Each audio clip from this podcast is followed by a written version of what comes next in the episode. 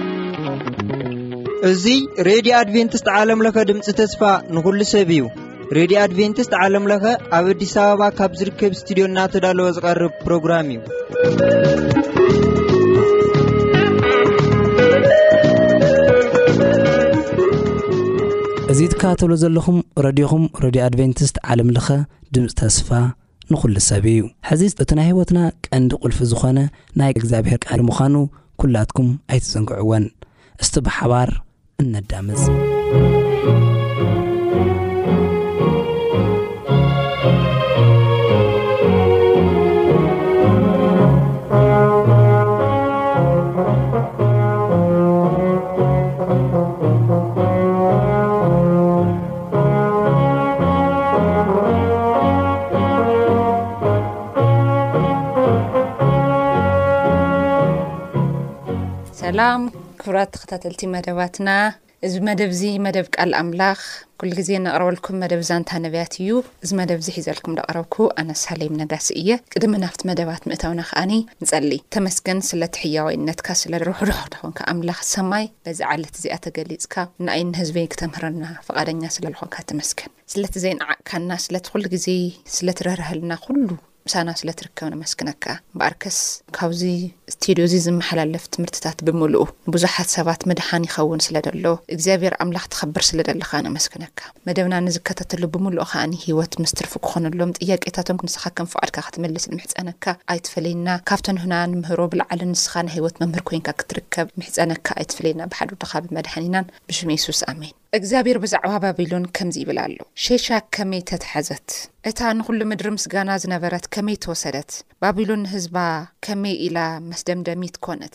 ባሕሪ ኣብ ልዕሊ ባቢሎን ደየበ፣ ቱዕ ማዕበላቱ ድማ ኸደና። ከተማታት ሓደ እኳ ዘይነብረለን፣ ባእታተን እውን ዚሓልፍ ዘይብለን፣ ዝባደማ፣ ንቑጽ ምድሪ ባድማ ዀና። ኣነ ንቤል ኣብ ባቢሎን ክቐጽዖ፣ ነቲ ዝወሓጠ እውን ከትፍኦ እየ።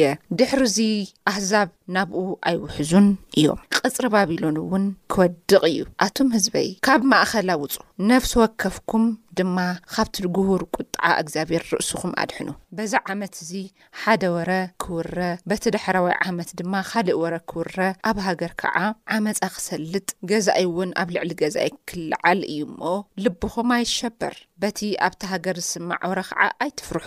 ስለዚ እንሆ፣ ነቲ ቕሩፅ ጣዖታት ባቢሎን ዝቐፅዐላ መዓልቲ ኽትመፅእ እያ፣ ኵላ እታ ምድሪ ኽትሓፍር እያ፣ ኵሎም እቶም ዝተሓረዱ ኣብ ማእኸላ ኽወድቁ እዮም። እቶም መጥፋእቲ ካብ ሰሜን ክመጽዋ እዮም፣ ሰማይን ምድርን ኣብኣታቶም ዘሎ ኵለን ብዛዕባ ባቢሎን ዕልል ኪብሉ እዮም፣ ይብል እግዚኣብሄር። ባቢሎን ካብ እስራኤል ተወጊኦም ዝሞቱ ኺወድቁ ከም ዝገበረት፣ ከምኡውን ቅቱላታ ኵላ ምድሪ ኣብ ባቢሎን ኪወድቁ እዮም። ኣቱም ካብ ሰይፊ ዘምለጥኩም ኪዱ፣ ደው ኣይትበሉ፣ ካብ ርሑቕ ንእግዚኣብሄር ዘክሩ፣ ንዮርሳሌም ኣብ ልብኹም ሕሰቡ ጸርፊ ሰማዕና እሞ ሓፈርና ጓኖት ናብቲ ቅዱስ ሱፍራ ቤተ መቅደስ እግዚኣብሔር ኣትዮም እዮም እሞ ውርደት ንገጽና ጎልበቦ ስለዚ እንሆ ኣነ ነቲ ቅሩጽ ጣዖታት ባቢሎን ዝቀጽዐለን መዓልትታት ክመጻ እየን እቶም ኣብ ምድሪ ዝተወግኡ ኩሎም ክገዓሩ እዮም ባቢሎን ክስካዕ ሰማይ እኳ እንተ ደየበት ልዕልናን ሓይላ እውን እንተ ኣጽንዐት፣ ካባይ መጥፋእቲ ኪመጽዋ እዮም፣ ይብል እግዚኣብሄር።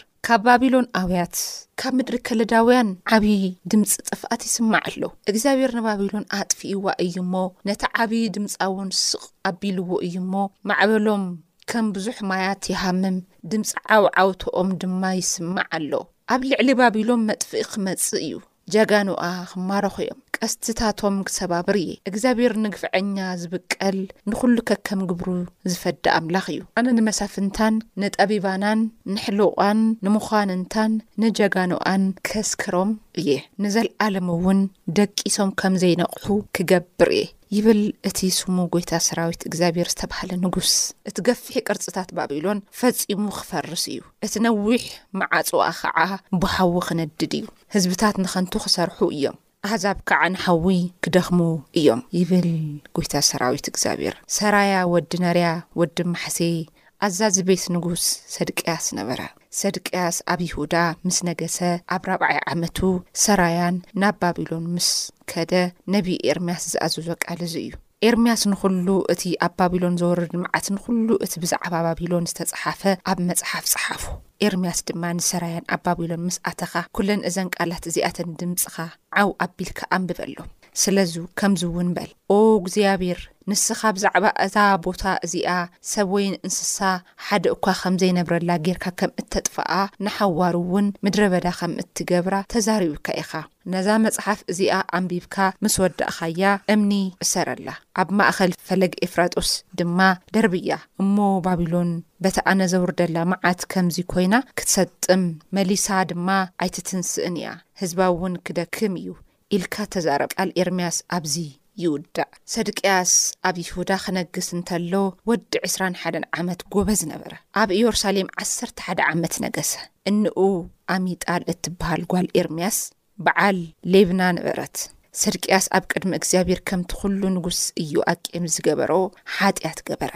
እግዚኣብሄር ከዓ የመና ስለ ዝተቖጠዐ፣ ነቶም ኣብ ኢየሩሳሌም ኣብ ይሁዳ ዝነብሩ ህዝቢ ኣብ ቅድሚ ገጹ ምእንቲ ክሰጎም፣ ሰድቅያስ ኣብ ልዕሊ ናብከደነጾር ንጉስ ባቢሎን ዓመጸ።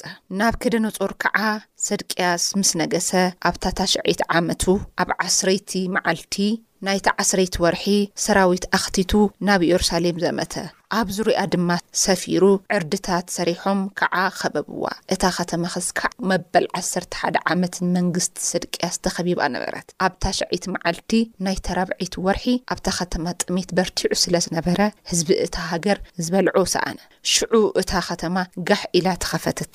ባቢሎናውያን እታ ኸተማ ኸቢቦምዋ እኳ እንተ ነበሩ፣ ዅላቶም እቶም ተዋጋእቲ ብለይቲ መሊቖም ወጹ። በቲ ኣብ ጥቓ ኣታኽልቲ ንጉስ ኣብ መንጎ ክልተ መንደቕ ዘሎ ኣፍደገ ሓሊፎም ከዓ ናብ ዓረባ ኣቢሎም ሃደሙ። ሰራዊት ከለዳውያን ግና እቲ ንጉስ ሰዓብዎም፣ ንንጉስ ንሰድቅያስ ድማ ኣብ ጐልጐል እያሪኮ ሓዝዎ፣ ሰራዊት ድማ ሓዲጎምዎ ፋሕ በሉ። ንሰድቅያስ ከኣ ናብ ንጉስ ባቢሎን ኣምጽእዎ። ናብከደነጾር ሽዑ ኣብታ ሃገር ኣብ ኣብታ ኣብ ሃማት እትርከብ ሬብላ እትበሃል ከተማ ነበረ፣ ኣብኣ ኸኣ ንሰድቅያስ ፈረዶ፣ ንደቁ ኣብ ቅድሚ ዓይኑ ሓረዶም፣ ንዅሎም ኣሕሉቕ ይሁዳ ኸኣ ኣብኣ ኣብ ሬብላ ቐተሎም። ብድሕርዚ ንሰድቅያስ ኣዒንቱ ኣንቈሮ፣ ብመቝሕ ነሃስ ኣሲሩ ድማ ናብ ባቢሎን ወሰዶ፣ ክስካዕ ዕለተ ሞቱ ኸዓ ኣብ ቤት ማእሰርቲ ኣንበሮ። ናብከደነጾር ኣብ ባቢሎን ምስ ነገሰ ኣብ ዓሰርተ ትሽዓተ ዓመት ናይቲ ሓምሸይቲ ወርሒ ዓስረይቲ መዓልቲ ኣብ ቅድሚ ንጉስ ዝቐውም ኣዛዚ ሰራዊት ናብ ዝሩንዳን ናብ ዮርሳሌም መጸ፣ ንቤተ መቕደስን ቤተ መንግስትን ንኹለን ኣባይቲ ኢዮርሳሌም ንኹለን ዓበይቲ ህንጻታት ብሃዊ ኣባርዐን፣ እቲ ምስኡ ዝነበረ ሰራዊት ባቢሎን ከኣ ንኹሉ ኣብ ዙርያ ኢዮርሳሌም ዝነበረ መንደቕ ኣፍረሶ። ሽዑ ናብዝሩንዳን ኣዛዚ ሰራዊት ባቢሎን ንገሊኦም ካብቶም ድኻታት ህዝብን ነቶም ኣብታ ኸተማ ተሪፎም ዝነበሩ ምስቶም ቅድም ዓሚጾም ምስ ንጉስ ባቢሎን ኣሻርዮም ዝነበሩ ብሓባር ማሪኹ ንባቢሎን ወሰዶም። ናብ ዝሩንዳን ኣዛዚ ሰራዊት ነቶም መሬት ዘይነብሮም የመና ድኻታት እታ ሃገር እቲኣ ተኸልቲ ወይኒ ሓረስቶት ክኾኑ ሓደጎም። ባቢሎናውያን ነቲ ኣብ ቤተ መቕደስ እግዚኣብሔር ዝነበረ ብነሃስ ዝተሰርሐ ኣዕማድ ነቲ ኣብ ቤተ መቕደስ ዝነበረ መቐመጢ ኣቕሑን ብነሃስ ዝተሰርሐ ጋብላን ሰባበርዎ። ንኹሉ እቲ ነሃስ ከዓ ናብ ባቢሎን ወሰድዎ። ኸምኡ ነቲ ድስትታት መጽሓሪታትን ካሪታትን ሒላባትን ጽዋዓትን ንዅሉ እቲ ኣብ ቤተ መቕደስ ዘገልግሉ ዝነበሩ ብነሃስ ዝተሰርሑ ኣቕሑን ብምሉኡ ወሰድዎ። እቲ ኣዛዚ ዘብዐኛታት ካብ ንጹህ ወርቅን ብሩርን ኵሉ ኣጻሕልን መጽሐሪታት ሒላባትን ድስትታትን ቀዋሚ ቀንዴልን ጽንሃሃትን ጽዋዓትን እዚ ኣዛዚ ሰራዊት ወሰዶ።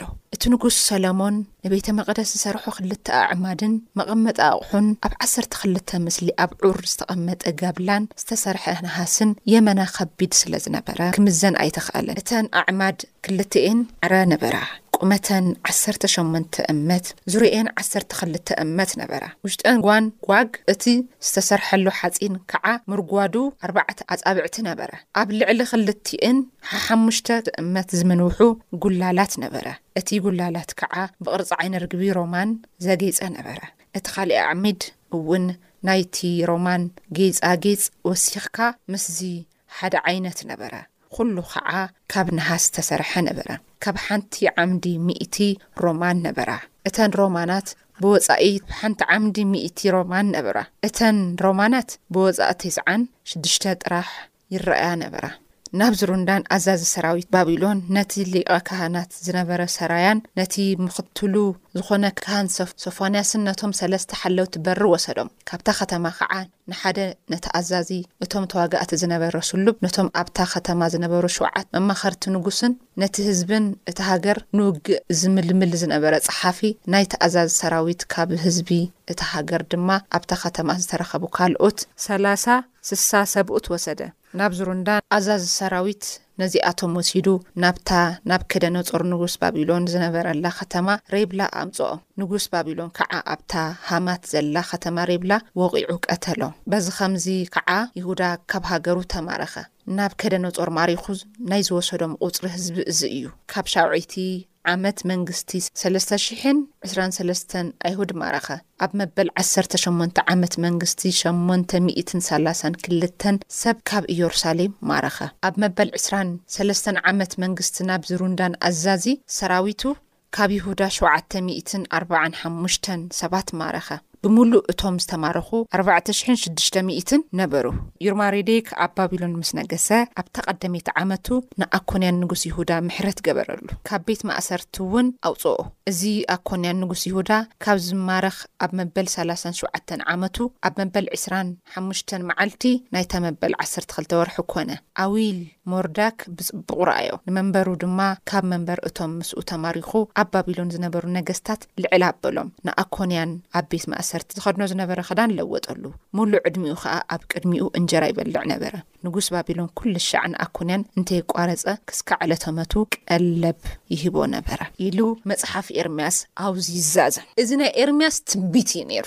መጽሓፍ ኤርምያስ ሓምሳን ክልተን ምዕራፍ ኣለዎ። እዚ ኩሉ ቅድመ ኩነት እዩ ዝዛረብ ነይሩ። ቅድሚ ሙማቶም ቅድሚ ሕሊፉ ምሃቦም። ተሓላሊፉ ልተውሃበ ኣብ መበል ዕስራን ሰለስተን ዓመት ናይ ባቢሎናዊ ንጉስ ንግስነቱ እዩ።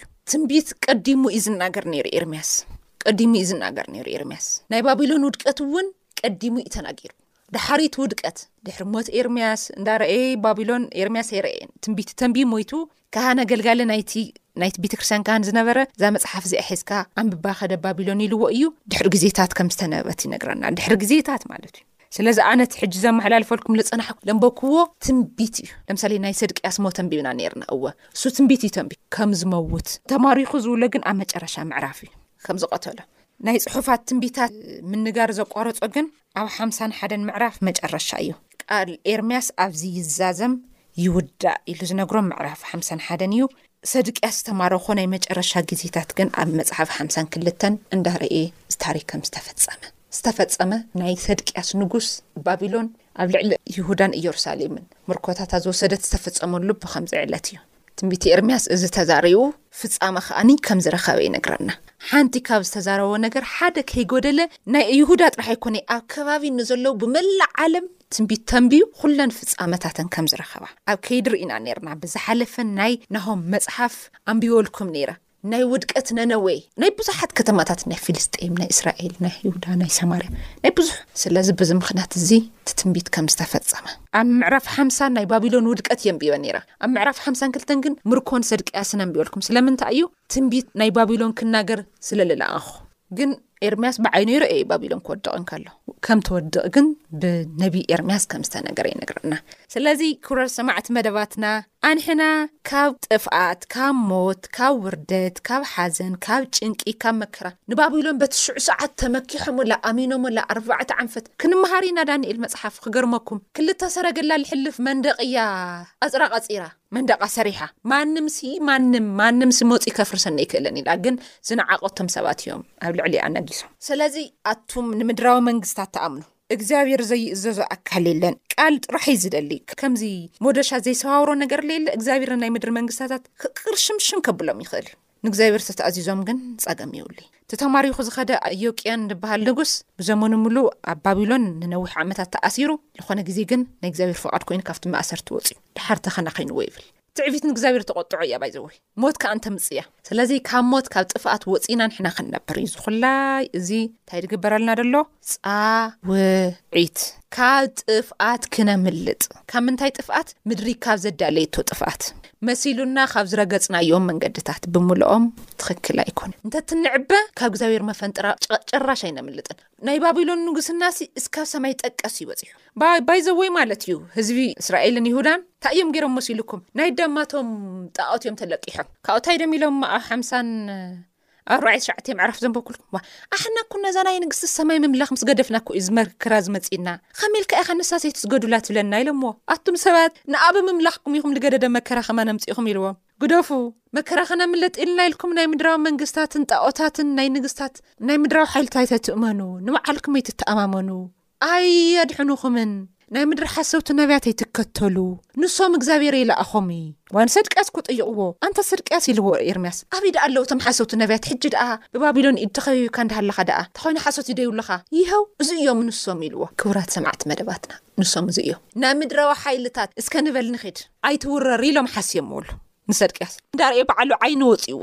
ኣብ ምንም ነገር ኣይትመኩሑ፣ ኣብ ምንም ነገር ተስፋ ኣይትግበሩ፣ ኣብ ምንም ነገር ኣይትተኣመኑ፣ ካብ እግዚኣብሔር ወጻእ ንኻሊእ ኣይተምልኹ፣ እዚኣ ብትገብሩ ብንገብር ግን ዕድመና ምሉእ ኸርተት ኢና። ኣብዚ ሕጂ ዘሎ ምድሪ ዝፍጠር ዘሎ ጦርነት ናይ ክልተ ፖለቲከኛታት ስርሒ ድዩ ድመስለኩም? ኣይምሰልኩም ኣይኮነይ ንግዜ ንሓደ ስልጣን ይህቦ ንሱ ንእግዚኣብሔር ዝህዝቢ ናብ እግዚኣብሔር ክመርሕ ተልይ ክኢሉ ንዓ ኣለካ ሸው ወዲያው ኣብ ልብል ሓለፈ ክፋልና ኮመሓላሊፈልኩም እየ ባቢሎንሲ ኣነ ልሰራሕዎ ጣዖት ስገዱ ኢላ። ኣብ ዱራ ሜዳ ማለት ዱራ ልበሃል ሜዳ ናይ ባቢሎናውያን ጣኦታቶም ዝሰግዱሎም ከበድቲ ጣኦታት ናይ ባዕሉ መንነት ስእል ኣቢሉ ንባዕሉ ዝመስል ምስሊ ናተይ ምስሊ ስራሕ ኢሉ ነቲ ቀራጺ ቀሪጹ ነዚ ስገዱ ኢልዎ ብተባዓት ተረኺቦም ነዚ ምስሊ እዚ ካብ ንሰግድ ሙማት ይሕሸና ናብቲ ሸውዓተ ዕጽፊ ዝኾነ ሓዊ ኢሎም ህዝቢ እስራኤል ግን ከምኡ ኣይኮነን ኢሉ ኣይንሰግ ኣንሕና ነቲ ትብሎ ኣለኻ ኣምላኽ ትዝኹም ትኣምንዎ ደለኹም ናይ ምድሪ ሓይልስ እዚ እዩ ውጽኢቱ ኣብ ምንም ነገር ኣይትተኣመኑ ዋላ ኣወቦኹምን እደኹምን ንሶም ክወልዱኹም እምበር ናትኩም ህይወትን ሞትን ክኾኑ ኣይክእሉ እዩ ቁልፊ ክኾኑ ኣይክእሉ እዩ ኣብ ምንም ነገር ቤዛ ኣይትግበር ክርስቶስ ጥራሕ እዩ መሰረትካ ክኸውን ድኽእል ክኸውን ደለዎ ክቡራት ሰማዕትና ብዙሓት ሰባት ክጭነቑ እንከለዉ ንስኻትኩም ሰላም እንተሃሊኹም ጽቡቕ ኣለኹም እግዚኣብሔር ምሳኹም ኣሎ ማለት እዩ ብንእሸይ ነገር ኩይ ኣብ ምድሪ ትርበሽ ኪሎ ሽንጉርቲ በዝሐ ዋ መጀመርያ ጦርነት ክፍጠር እንከሎ እንታይ ድዩ ዝፍጠር ጥሜት ኮ ዝፍጠር ተኸባብሲ ሰድቅያስ ክተሓዝ እንከሎ ኣፍ ደገታት ይሁዳስ ጥርሑ ኮይኑ ንጉስ ባቢሎን ምምፃእ ይኽእል እዩ ካብኡ ልዕሊ ስልጣን ልተውሃቦ ንይሁዳ ከሳቂ ክማርኽ ባቢሎን እዩ በቲ ሽዑ ሰዓት ግን ከምዚ ክገብር እንከሎ ንምንታይ ዕላማ ተጠቒሙሉ ክመርሖም ናብቲ ትኽክል ነይሩ ግን ባቢሎን ልገደደ ኮይኑ እንዶም ሆ ለባሃሎም ረኪቦም ባቢሎን ካብተን ዝሓለፋ መንግስትታት ጭክን ትብል እንታይ መሲሉኩም ንትንሱ ዘቕርቦ መስዋእቲ ተዘይሰጊድካ ሸውዓተ ዕፅፊ ዝነድድ ሓዊ ኢኻ ትድርባ ቀስኡ ስዩ ስርሖም ሸውዓተ ዕፅፊ ዝነድድ ሓዊ ትድርባ ኣይፋልተልካ ትቕተሎ በቃ ምንም የለይ ግን ከምኡ ኢልካ ዝሕልው ኣምላኽ ዶ እውን ኣሎ እሙናት ኮይኖም ዝተረኸቡ እውን ኣለዉ ብፆታት ንምንም ነገር ኣይትእመኑ ኣሕዋተይ ቅልፅምኩም ውን ዋላ ኣይትእመኑ ብኸበድቲ ሓይልታት መንግስታት እውን ኣይትተኣመኑ። ርኢኹምዎ ባቢሎንስ? እዋ፣ እዛ ኸምዚ ዝነበረት ምስ ገና ጥራሕ ዝወጽኣ ዝነበረት ከተማስ ዕንወት ብዕንወት ክትከውን ትንቢተ ተንቢቢ ኤርምያ። ካብ ዕንወት ንድሕሪት ኣይትብልን፣ በቃ ተዋሪዳ እታ ኸተማ። ስለዚ ክቡራት ሰማዕቲ መደባትና እዚ ይመስል። ኣንሕና ኣይንኽሰር፣ ኣንሕና ኣይንዋረድ ይኣኽለና ናይ ኣቦታትና ሓጢኣት ኣይንድገም ጽቡቕ ኣይምሃሩናን ጽቡቕ ኣይገደፉልናን ካብ ብሕጂ ግን ተብ ቅድሜና ደሎ እግዚኣብሔር ንስማዕዮ ብርባዕተ ኣንፈት እንዳመጸ ካብ ከበድቲ መፈንጥራታት ዝተሰግረና ደሎ እግዚኣብሔር ንርኣዮ ኣይፈልጥዎን ልፈልጡ ተኾይኖም ናይ ይሁዳ መዓት ሞጺ እንዳሃለዩ ዞም ጣዖታት ለይመድሐንዎም ዋ ድፈልጥዎ ነገር የብሎምን ዝፈልጥን ዝሰምዕን ካብ መከራ ከድሕን ድኽእል ግን እግዚኣብሔር ኣሎ ን ነቦታትኩም ዘሳገረ ኣንተ ዓሻ ኣፍልጦ እንተለይሃሊካስ ናብ መን ክድ ኢልዎ ናብ ናይ ኣቦታትካ ኣምላኽ ኪድ ክነግረካ እዩ ዛንታ ከመይ ገይሩ ነቦታትካ ከም ዘሳገሮም ንካልኦት እንኮ ሕጥናእካ ይሳገር ነይሩ ነቦታትካ ይሳገር ነይሩ ንሶም እንታይ ስለ ልኮኑ እሙናት ኮይኖም ስለ ልተረከቡ ስለዚ ንዚ ከምዚ ድበለ ኣምላክ ኢና ነፋልጠኩም በዚ ዕለት እዚ እንዳ ረኤ ዓበይቲ ነገስታት ኣብ ልዕሊ እግዚኣብሔር ክመጣጠኑ ሞኪሮም ግን ኣዋሪድዎም ኣንሕና ኢና ዓበይቲ መንግስታት ንኣና ተመክሑ ንኣና ኣሕና ልወልናዮ ኣምላክ ስገዱ ክሉ ከለዉ ኣይንሰግድን ኢሎም ኣቤት ኣቤት ከምዚ ኮይንካ ምርካ ክንድምንታይ ይጽብቅ ንዚ ኣምላክ እዚ ንተኣም ካብ ካብ ካብ መዓት ጥያቄታት መልሲ ክኮነና እዩ እቲ ንጉስ እንጎ እንታይ ዲልዎ ኣምላኽ ኣማልኽቲ ርእዮ ኮይ ኢልዎ ናፍቲ ሓዊ ደርብይዎም ክቃጸሉ እዩ ደርብይዎም ግን ቶም ሰባት ተቓጺሎም ድዩ ድብለና ኣይተቓጸሉን እንዶም ኣርባዕተ ኮይኖም ኣብ ሓዊ ብትህሉ ኣብ ባሕሪ ብትጥሕል ምሳኻ ክኸውን እየ ኢልዎም ኤርምያስ እኮ እግዚኣብሄር ሒዙ ክወጽእ ከሎ እቲ ትንቢት ክናገር እንከሎ እቲኦም እቲ ሓሶት ሒዞም ወጺኦም እቲ ሓሶት ኣቃጺልዎም ኤርምያስ እቲ ሓቂ ሒዙ ወጺኡ እቲ ሓቂ ኣድሒናቶ እዚ እዩ እቲ ምስክርነት ማለት ስለዚ ነቲ ሓቂ ሒዝና ንብዙሓት መድሓን ክንከውን ነዚ ዘመን እዚ ብእግዚኣብሄር ሓይሊ ክትወጽዎ ኢና ንዕድመኩም። ብምንም ነገር ኣይትወጽዎን በቕራሽ ኣይትወጽዎ ብጥበብ ኣይትወጽዎ ብጥዕና ኣይትወጽዎ ብኹሉ ኣይትወጽዎ ብቲ ኩሉ ዝኽእል ትማሊ ዝነበረ ሕጂ ውን ዘሎ ንዘልኣለም ዝነብር የሱስ ኢኹም ጥራሕ ትወጽዎ ኣብ ጦር ሜዳ ዲኹም ደለኹም ዝሓዝኩሞ ከላሽን ኣየድሕንን ኣብ ገዛ ብቕርሽኹም ዲኹም ተኣማሚንኩም ደለኹም ኣየድሕነኩምን ብፍልጠትኩም ዲኹም ንርእሲ ከደንዝዝ ርኢናዮ ኢና ብጽባቐን ብገለን ዲኹም ተታሒዝኩም ደሊኹም? ኣይፋልኩምን። ከመይ ጽብቕቲ ዝነበረት ባቢሎን፣ ከመይ ጽብቕቲ ነበረት ሞኣብ፣ ኣሞን ኣቐንጺልዎ እዩ፣ ቈጽለል ቁምጽልጽል ኣቢልዎ እዩ። እዚ ኢና ነቲ ሓያል ኢና ነፋልጠኩም፣ ነቲ ሓያል እቲ ሓያል ዓብዪ ነገርና ዝቕይር ዓብዪ ነገር ዝገብር ገይሩለይ እዩ። ወሲንዎ ነየናይ ነቲ ናይ ሞት ፍርደይ ዝነበረ ቀይርዎ ነቲ ናብ ሞት ምድር ሞት ፈሪዳትልና ነበረት ዝቀይር ኣምላኽ ኢና ንነግረኩም እታ ናይ እምነት መርከብና ክውሕጣ ክመጽእ እንከሎ ጸላኣይ ነቲ ዝከላኸለልና ኣምላኽ ኢና ነፋልጠኩም ከምዚ ኢልና ወጺእና ክንርበሽ ንኽእል ኣይዛኻትኩም እሙን እዩ ክርከበልኩም እዩ ከምዚ ብዝኾንና ቁፅሪ እኮ እንዳተረበሽና ከምዚ እኮ እንዳበዝሐና ንዕለት እንጌራና እኮ እንዳሰኣና ኣምላኽ ምስ ኣይዞኻትኩም ብዙሓት ምዕራፋት ኣንቢብናልኩም ኢና ምስክር ክኾነኩም እዩ እግዚኣብሔር ኣምላኽ እዚ ክንኽእል ግን እዚ ክንገብር ግን ንኡ ክንእመን ክንኽእል ኣለና ካብ ዓበይቲ መዓታት ክንተርፍ ኢና ዋላ ከበድትን ሕማቓት ጨካናት መንግስታት ኮይኖም እግዚኣብሔር ተተኣዚዞም ናይ ልገበርዎ ክፍኣት ኣይርእን ይቕበሎም እዩ ናብከደነፆር እዩ ንይሁዳ ንቤተ መቅደስ ዝበዝበዘ ግን ልዕልና እግዚኣብሔር ምስ ተረድኦ ምስ ተቀበለ ግን ተመሊሱ ተቀቢልዎ እግዚኣብሔር እውን ከምዚ እዩ እግዚኣብሔር ንጨካናትን ንተጨከንትን ማዕረ መንገዲ እዩ ዝደሊ ግን ኣይሰምዕ እንተልካ ከዓ ምርጫካ እዩ ስራሕኩም ገዲፍኩም መደባትና ክትከታተሉ ንዘፀናሕኩም ብምልእኹም እግዚኣብሔር ኣምላኽ ዘይውዳእ በረከት የብዝሓልኩም ሓሳብን ጥያቄን ብልህለይኩም ብልሙድ መስመራትና ባዶ ትሽዓተ ሰማንን ትሽዓተን ሰብዓን ሸውዓተን ኣርባዓን ሓሙሽተን ቴስዓ ኢልኩም